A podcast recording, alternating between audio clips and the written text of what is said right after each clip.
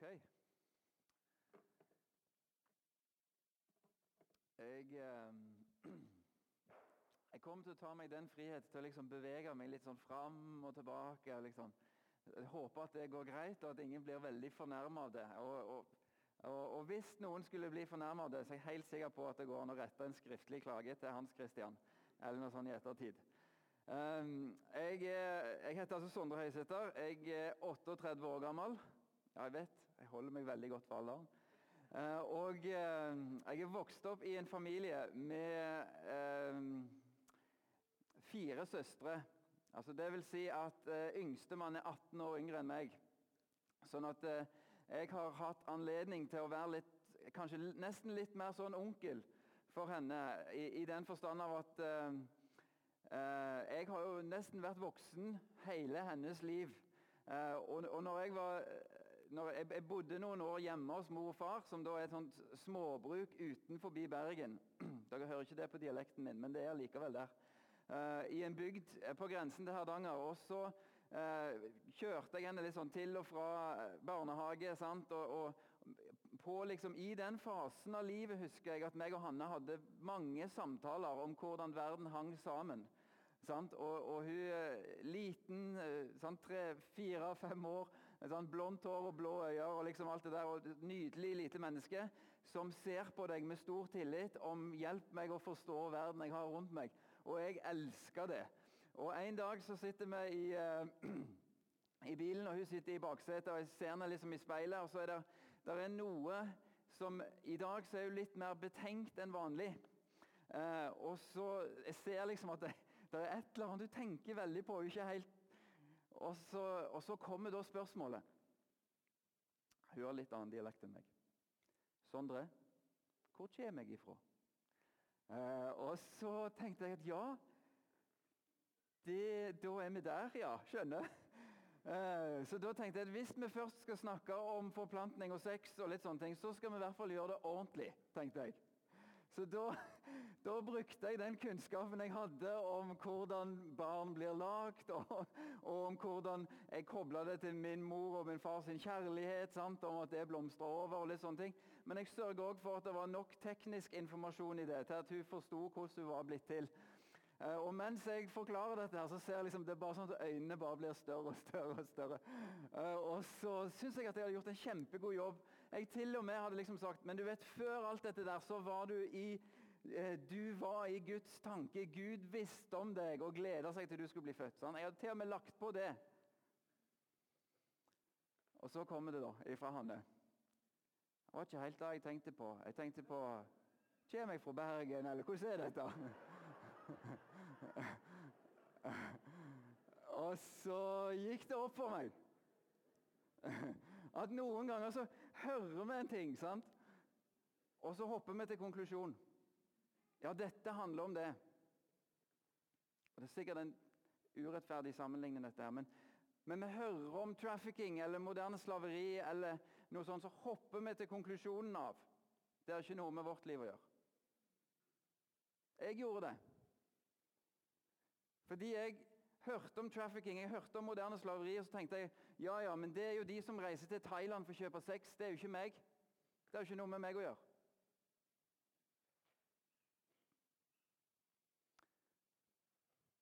Og Så oppdaget jeg nyansen i dette. Så oppdaget jeg at det er ikke bare kvinner som utnyttes i sexhandel. Enten det er i Thailand eller det er i Norge. Jeg oppdaget at det er byggebransje, at det er transport, at det er jordbruk, at det er klærne jeg går med, at det er elektronikken jeg bruker. Og så plutselig så fikk eh, utfordringen med slaveri, eller moderne slaveri, fikk en sånn Nesten som jeg opplevde det som. Eh, og det skjer ikke bare sånn over natten. sant? Men jeg opplevde det nesten som at her er det noe sånn grunnleggende urettferdig i verden. Og jeg fråtser i det. Jeg står liksom på toppen av næringskjeden, og så fråtser jeg i det. Så tenker jeg dette kan vi gjøre noe med. Vi kan ha en annen verden. Og Jo mer jeg leste liksom Bibelen og jo mer jeg søkte Gud etter liksom å oppdage hva, hva gjør vi med det? Hvordan, hvordan, hva henger dette sammen? Alt? Og jo, jo, mer jeg liksom søkte Gud i det, så liksom hver gang så hørte jeg nesten sånn Gud som sier ja, men 'Gå og kjemp'. Så sier jeg ja, ja, men kampen er liksom så stor. og liksom det. Nei, nei, nei, men gå og kjemp. Ta den kampen. Fordi at det er viktig for meg òg. Det er viktig for meg òg at disse menneskene får anledning til å leve i frihet. For det er, det, det er slik de er skapt. De er ikke skapt til å fødes inn i slaveri. De er heller ikke skapt til å bli lurt inn i slaveri.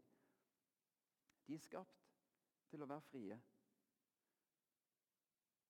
Så Det er litt av utgangspunktet for engasjementet mitt inn mot denne målgruppen, inn mot um, moderne slaveri. Og så vet jeg da at dere det kan godt hende dere hører på meg, og så hører dere på noen av historiene våre. Vår, Og liksom på statistikken og sånn. FN anslo for noen år siden at de regnet omfanget av moderne slaveri til å ramme 40 millioner mennesker hvert år. 40 millioner mennesker hvert år. Og Det kan bli litt sånn overveldende å liksom høre det der voldsomme der oppe. Og så vet jeg at det er to ting som stopper oss fra å gjøre noe. da. Det første er at vi gjerne ikke gjenkjenner. Vi, vet, ikke, vi vet, ikke, helt hvor er problemet, vi klarer ikke helt å se det. Og Det neste er at vi vet ikke hva vi skal gjøre med det. Sammenligning blir den at hvis, hvis meg og deg går på et kjøpesenter, og så ser vi et barn som gråter, og som ikke er omgitt av noen voksne personer, sant? så vi skjønner hva det er for noe. Sant? Da er vi litt sånn Hei, lille venn. Har du mista mammaen? Å nei, det var pappa. Ja, du mista Ja, det var dumt. Du kom, kom, her, jeg vet hva vi skal gjøre. Sånn, Kom, kom, kom, så går vi. Så går vi til informasjonen. Så sier vi, sant? Og de og sier som mista pappaen sin. Og så går det to minutter, og ding dong, kan pappaen til komme til Funker. Sant? Det systemet funker. Det er akkurat som det er bygd inn liksom, i folk at liksom, vi, vi, skjønner det at når et barn gråter og ikke er omgitt av voksenpersoner, så er det fordi at, at de har gått seg bort. De mangler de. Og Når vi er på et kjøpesenter, så vet vi òg hvordan, skal de få fatt på mammaen eller pappaen sin igjen. Ja, ja, men Da går vi til informasjonen. I et tilfelle med menneskehandel eller moderne slaveri for vårt land, så er den første utfordringen at vi ikke gjenkjenner det. Vi, vi, vi klarer ikke å koble sammen. Vi ser bilvask som tilbys oss til 200 kroner. Håndvask. Der to stykker feier over bilen din, bruker 20 minutter, vasker utenpå og inni, og vi liksom Yes! 200 kroner. High five. Gjort et kupp. Og så stopper vi ikke opp for å liksom Er det mulig å tjene penger på den måten? Kan den bilpleiebransjen der, med lokalleie, med å betale moms, med å betale anstendig lønn til sine arbeidere, eh, og i det hele tatt så er det sikkert en kar på toppen òg der som skal ha sin andel. Går dette her rundt? Eller er det noen som ikke får betaling her? Og så, så er det neste punktet. Sant, at vi, I noen tilfeller er vi i stand til å gjenkjenne det. Sant, at ah, det er noe muffins her. Men fordi vi ikke vet hvor informasjonen er, sant, så, så gjør vi litt sånn som dette. Vi bare later som vi ikke ser det. Og Dette gjelder ikke bare oss som privatpersoner, men det gjelder også oss som fagpersoner. Oss som jobber i Nav, eller vi jobber i skole, eller vi jobber i helsevesen, eller vi jobber knytta til politi eller påtalemyndighet. Vi ser jo at det er noe muffins her, men vi vet ikke helt hvordan vi skal gjøre, hvordan vi skal komme i Hva skal vi som er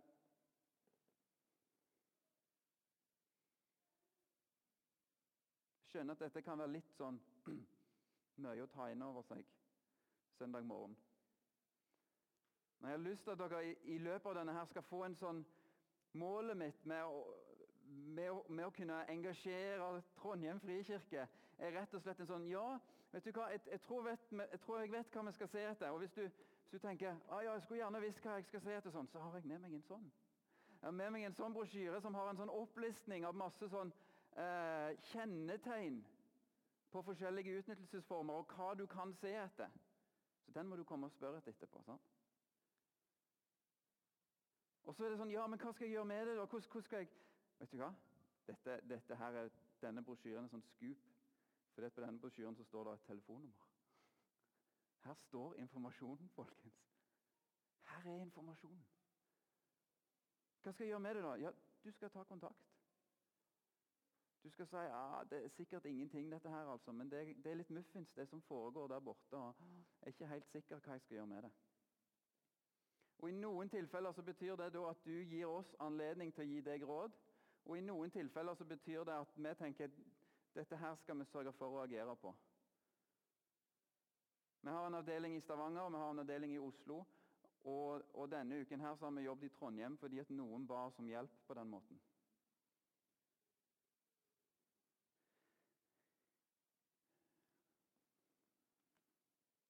Det er en, en tale i Bibelen. Hvis dere har Bibel, så Matteus 25 eh, har noen historier.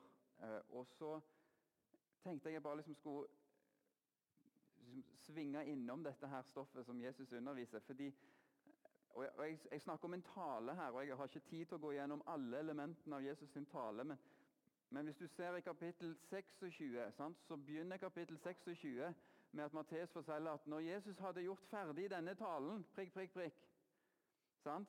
Så Hvis du da går tilbake igjen og ser på 25 og 24, så er det akkurat som her, Jesus, her fremsetter Jesus en tale. Og sånn som jeg gjør, og sikkert Helge gjør, og sikkert de fleste som dere hører, når, når, når vi konstruerer en tale, så prøver vi å få ting til å henge sammen. Sant? Det er ikke sånn vi, sånn vi bare tar ti helt sånn uh, random ting og så bare Ja, fordi at jeg hadde halvannen time med dere, så tar jeg disse ti tingene. Sant? Du prøver å få det til å henge sammen. Og, og veldig ofte sånn, så, i talene så er det sånn at det er akkurat som det bygger seg litt opp. Sant? At du sier det grunnleggende først, og så kommer du liksom med neste argument. Og så neste argument for at liksom her kommer høydepunktet. Og Det er tre historier, tre lignelser som Jesus forteller i Matteus 25, som jeg bare har lyst til at vi skal se på sammenhengen imellom. Og Den første det er knytta til noen jomfruer som Jesus forteller om. Eh, og disse jomfruene, Det er en, en gjeng med jomfruer, og de, og de, har liksom eh, et oppdrag. og Oppdraget er å være klare til brudgommen kommer. Eh, og Når de da skal være klare til brudgommen kommer, så trenger de å ha en lampe som kan lyse. Og så vet de ikke helt når brudgommen kommer. Eh, sånn at det som skjer, er at de forbereder seg. Noen fyller opp lampen sin med olje og tar med ekstra, og noen fyller bare opp lampen sin. Og så går det så lang tid før brudgommen kommer, så de sovner. Sant? Og så når brudgommen da kommer, sant? og liksom nå, 'Nå er han på vei!' nå er de på vei, Så skjer altså det at halvparten av disse de er nå tom for olje og halvparten av dem har forberedt seg. Så de er ikke, de er ikke tom. Så sier de som er tom, til de som ikke er tom, at du, kan ikke vi få litt olje av dere? Så sier de nei, det kan dere ikke, for da er ikke vi. Ah, da må vi ut og finne olje nå. Skynd dere ah, satt ut og midt på natten og prøve å finne oh, hvor kan vi få kjøpt olje. Ah, ende opp med Enden på visen i denne historien er at de slipper ikke inn på festen. De blir for seine.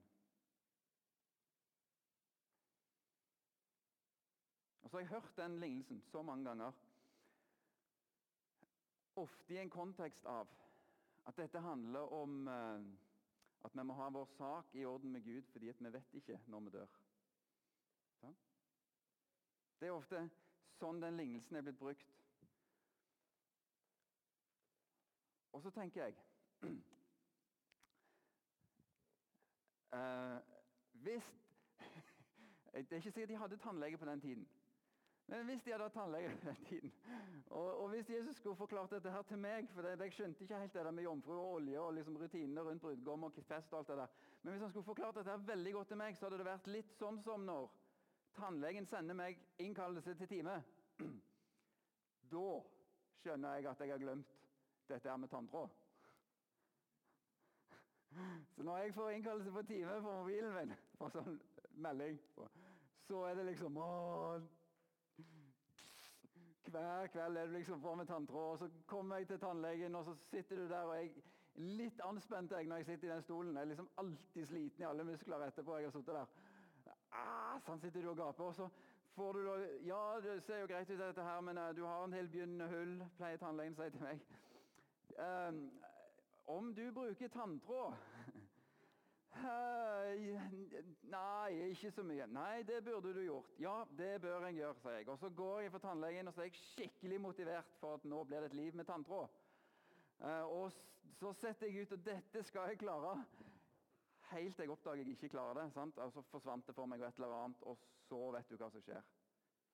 Kommer det en melding fra tanntråden? Nei, fra tanntråden. Ja, det kom ikke en melding fra tanntråden. Det kom en melding fra tannlegen at jeg har en ny time. Og så er vi på'n igjen. sånn, prøver du å ta igjen alt greiene, og så kommer du i tannlegestolen anspent sånn som du er, og liksom Ja, du har en del begynnende hull. Ja, du vil ikke si det. Ja, det. Si meg, bruker du tanntråd? Ja, pussig du skulle nevne det. Igjen. Mm. Vi har en tendens til å utsette ting i livene våre. Tror det er det Jesus prøver å si noe om. Og fordi om at Det er helt riktig at denne lignelsen kan vi tolke i henhold til at en dag så dør vi. Vi vet ikke helt hva tid det er.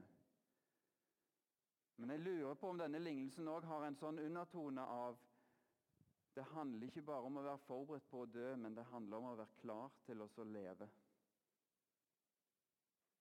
Det handler om å være forberedt, klar til å leve. Følger Jesus opp med lignelsen om talentene. Lignelsen om talentene er at han sier du, det var, en, det, var en, det var en rik mann som skulle reise vekk, og så overlot han det han hadde til tjenerne sine. En av tjenerne fikk fem talenter, en av tjenerne fikk to, og en tjener fikk ett talent.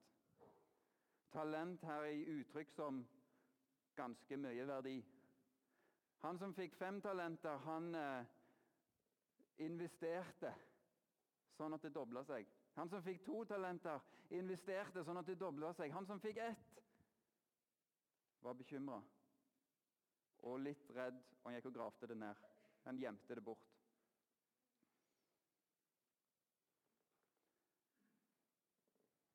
Så kommer, kommer sjefen tilbake igjen, og så krever han regnskap. Så kommer han som har, har fått fem, som har nå liksom fått det til å bli dobbelt så mye. Så han har fått det til å bli ti. Så kommer han så legger han det fram foran Herren sin. Så får han høre 'Du god og tro tjener'. Du som har vist deg trofast med lite, skal settes over større ting. Så kommer han som fikk to, sant? og som har liksom fått det til å bli to til. kommer så legger det fram for Herren sin, og så får han høre 'Du god og tro tjener'. Du som har vist deg trofast med lite, skal settes over større ting. Og Så kommer han som fikk ett talent. Så sier han, 'Jeg vet hvilken type mann du er.' 'Jeg vet at du er streng, og jeg vet at du krever mye av oss.' Og jeg ble redd.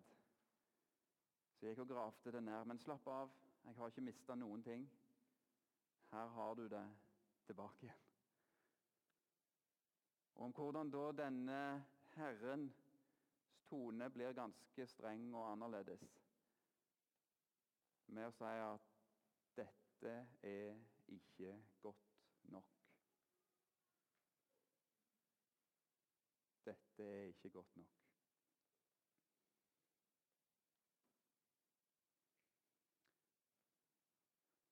Så det er akkurat som høydepunktet til Jesus kommer med siste historie.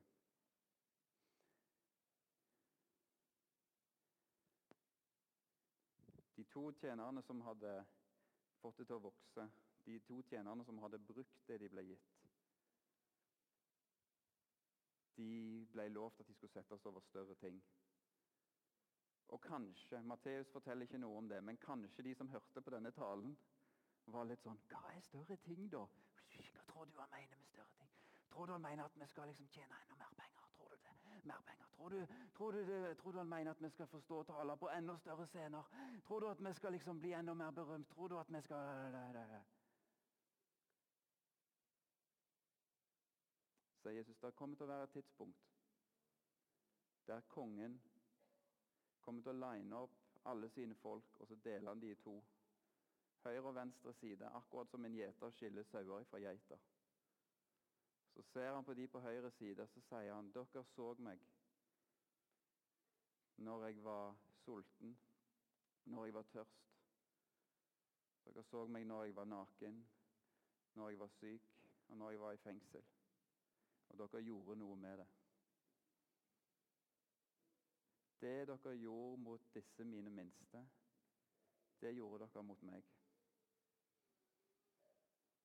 Så er han på de på venstresiden, så sier han dere så akkurat det samme som de. Men dere gjorde ikke noe med det. Det dere ikke gjorde mot disse mine minste, har dere heller ikke gjort mot meg. Så tenker jeg når jeg leser dette her Det er nesten som Jesus sier 'vær klar til å bruke det du har fått', jomfruene. sant? Vær, vær klar til å leve. Og Så er det lignelsene som er litt sånn Ja, ja, vi har gitt forskjellige ting. Vi har fått forskjellige ting. Noen fikk fem, noen fikk to, noen fikk én. Ja, ja, vi, har gitt, vi har blitt gitt forskjellige ting, men du har, du har ikke fått tillatelse til å grave ned. Du har ikke fått tillatelse til å sitte sånn Ja, nei, men jeg har ikke gitt noe, jeg, skjønner du. Jeg kan ikke bidra med noe, jeg. Jeg har, jeg har ikke noe å bidra med.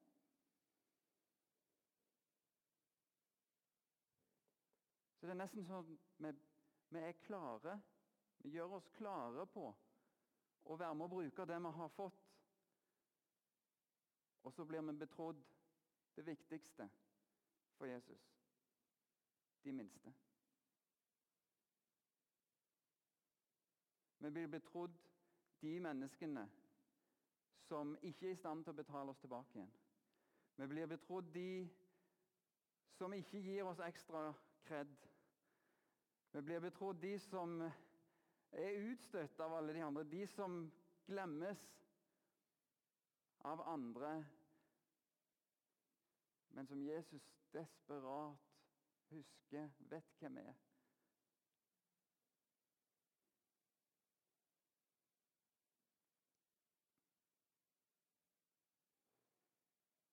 Jeg har noen Jeg har en sånn uh, gjeng som jeg sykler med. Tosk sykkelklubb. Tastad og omegn sykkelklubb. Ja, det er nesten 400 medlemmer, tror jeg. Og hver, eh, hver lørdag er det sånn langtur. Så det er, er, mange jeg ikke har fått snakket med ennå. Så sitter vi og sykler i sånn tre-fire timer sånn, på landeveien og prater. Det er så mange jeg snakker med i sykkelklubben min, som ikke bruker det de har fått. Som utsetter. Som er sånn Ja, nei, vet du hva, en gang, en gang så skal jeg. Jeg skal bare gjøre meg ferdig med sånn og sånn først. Ja, nei, jeg vet at jeg egentlig burde, og sånn, men jeg, mm, du vet. Det ble ikke helt sånn nå, og så måtte jeg bare ta den jobben, og så måtte jeg Ja, nei, nei det ble ikke nå likevel. Det er så mange av de som ikke gjør seg klare til å leve det livet Gud har for dem. Det er så mange av de som ikke bruker det de har fått. Og så blir de sånn når de hører hva jeg gjør og Dette er ikke for å trekke for meg, men når de hører hva jeg har fulgt mitt liv med, så blir de sånn Tenk, tenk hvis jeg kunne Det høres så flott ut å ha liksom sånn som deg, som har så mye meningsfylt å drive med. Du har sikkert en grunn til å stå opp du, hver morgen. liksom. Du har en grunn til å legge deg tidlig. Du har jo en grunn til å komme deg på jobb, du. sant? For ellers så kommer fæle ting til å skje. Ja, det hender det. sier Hvis ikke, hvis ikke jeg kommer meg på jobb, så er det av og til fæle ting som skjer. Og så er de nesten sånn hakket misunnelige på det. Og så har de ikke tenkt å gå de to skrittene foran. Hører dere hva jeg sier her? Sant? Jeg vet ikke om det er en snarvei Jeg tror det går igjennom stoppe og utsette. Sant? Og Det går igjennom at vi bruker det vi har fått. Vi slutter å se på og liksom sammenligne oss. Sant? Slutter liksom å tenke å, hvis jeg bare kunne vært sånn som det og det. Sant? Du har blitt gitt noe. Du har blitt gitt noe å forvalte. Er det Gud har gitt deg. Og når du viser deg trofast i det som du er blitt gitt og Dette er kanskje ubibelsk, det jeg sier nå, et eller annet sånt. men når du viser deg trofast i det du er blitt gitt, så er det nesten som det er en sånn Da Gud tenker ok, da kan jeg betro disse til deg, for de er viktige for meg. Da kan jeg betro deg dette.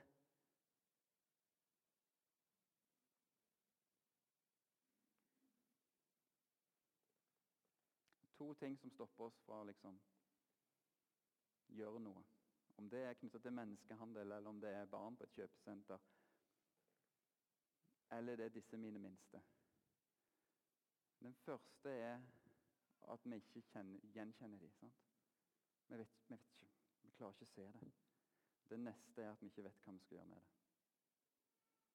Dette ser jeg i Tosk. Dette ser jeg bl.a. toskene. Som jeg sykler med.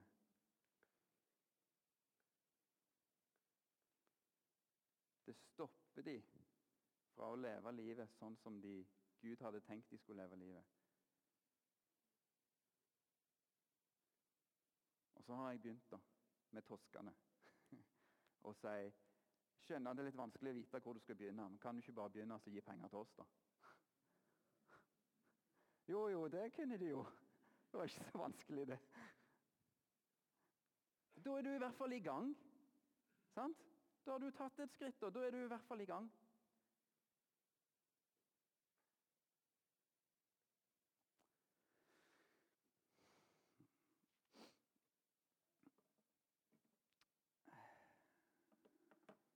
Jeg skal avslutte. Hørte at det er en sånn fin ting å si. Nå skal jeg avslutte, for da begynner alle å slappe litt av. Da er de sånn, Å, heldigvis, nå kommer det ikke et nytt argument. Å ja, nå kan vi bare runde av. Mm.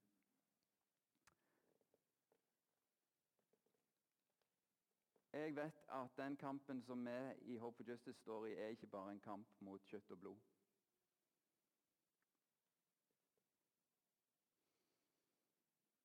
Fordi at vi kan stå i denne kampen som kristne, som Jesu etterfølgere, så gjenkjenner vi òg demonisk undertrykkelse av de menneskene som vi søker å nå.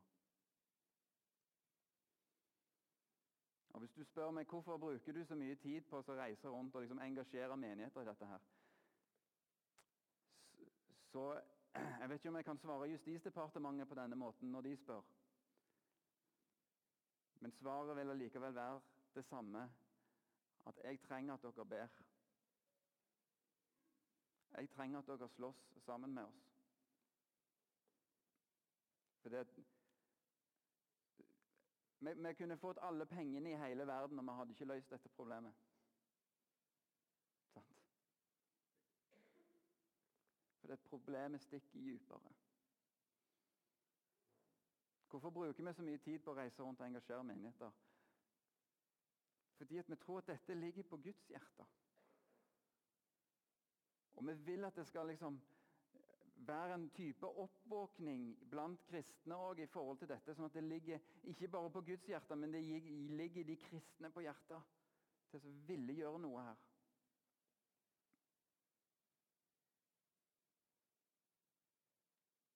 Så gir dere et godt eksempel.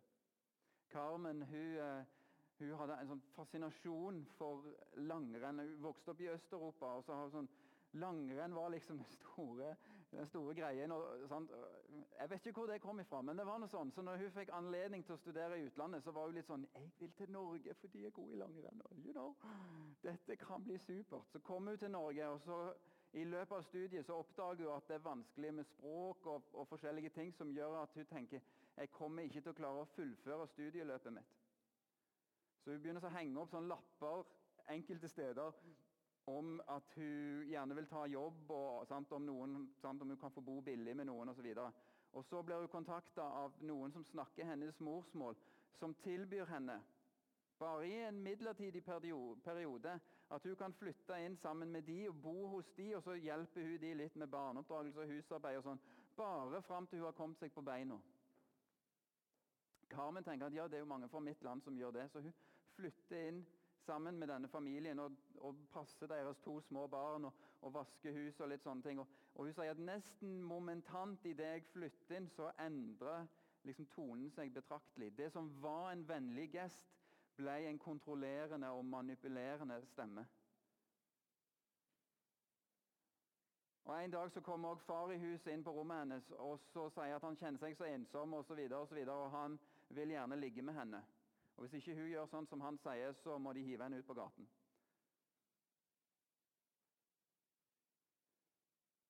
Og Så fortsetter livet hennes i dette hjemmet her, der hun hele veien driver og gjemmer seg rundt omkring i huset med type sånn opptatt med husarbeid og ikke er ferdig med ting, sånn at han ikke skal komme i kontakt med henne.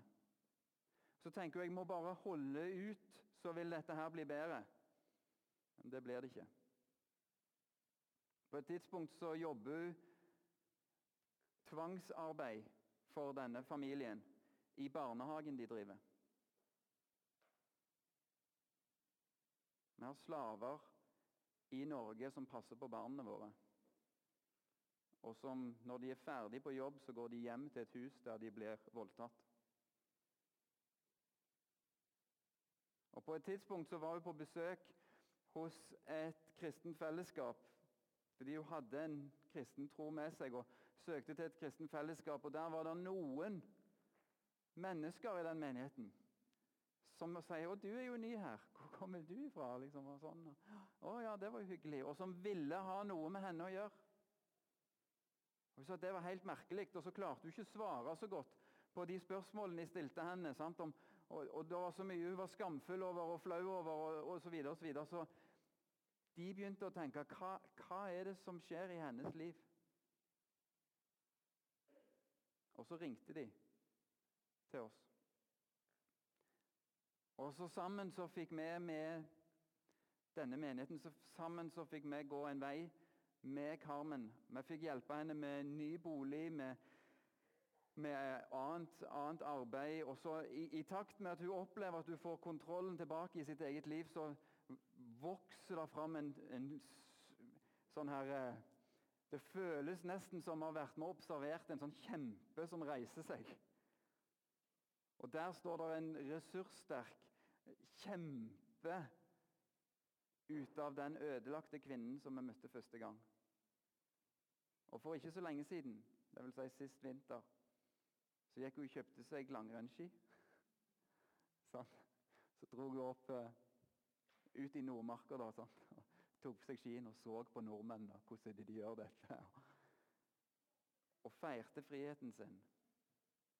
Fordi at noen i en menighet stilte noen spørsmål til henne.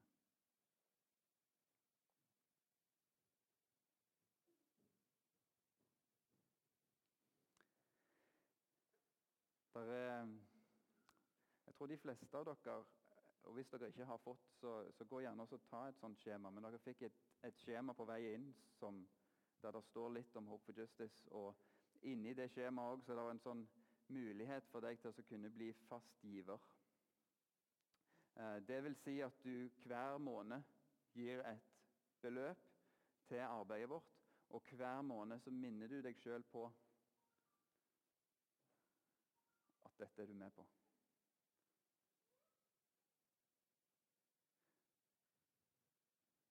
Faste givere er uten tvil det som sikrer at vi klarer å planlegge utvidelse av arbeidet vårt slik at vi kan nå enda flere sånn som Carmen. Jeg har lyst til å be deg om at du ser på den muligheten du har til å bli det som vi kaller vokter. Noen som vokter andres frihet. Så vet jeg at vi skal over i en avdeling nå der vi har mulighet til å be sammen, vi har mulighet til å tilbe. Og hvis du er litt sånn Jeg sier ikke at du er en tosk, altså en som sykler med meg. Men hvis du sitter og kjenner på noen av litt sånn de samme der, at jeg vet ikke helt hvor skulle ønske jeg bare visste hva jeg kunne gjøre. da, sånn. Jeg skulle ønske jeg bare visste hvor jeg skulle begynne. eller jeg skulle bare... Tenk å ha noe som drar deg opp om morgenen. Hvis du sitter og kjenner litt på den Kanskje i dag er en god anledning til å gå for å møte Gud. Og bare si OK, Gud. Hvor begynner jeg? Hva er det jeg skal gjøre med det jeg er blitt gitt? Skal vi be til slutt.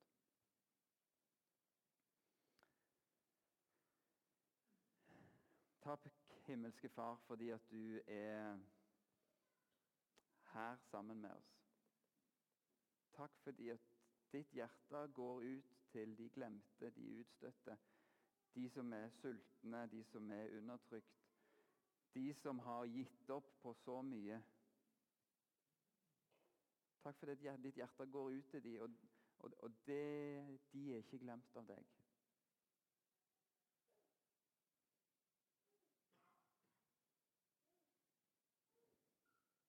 Jeg ber for oss som er samla her i dag, om at du skal røre ved oss. Jeg ber om at du skal gjøre noe i livet vårt. Jeg ber også helt sånn konkret for noen av oss som opplever at det nesten som har sånn slør foran øynene våre, der vi ikke helt klarer å skille hva er viktig og ikke viktig. Jeg ber om at du skal trekke det sløret vekk, sånn at vi nå ser dette fortjener min tid.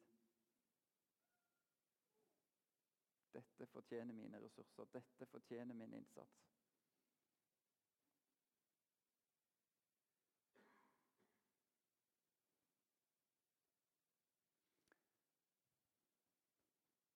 Og Hvis det er noen her inne som opplever at egentlig, hvis jeg er helt ærlig, så, så føler jeg meg kontrollert eller styrt av noen ting sjøl.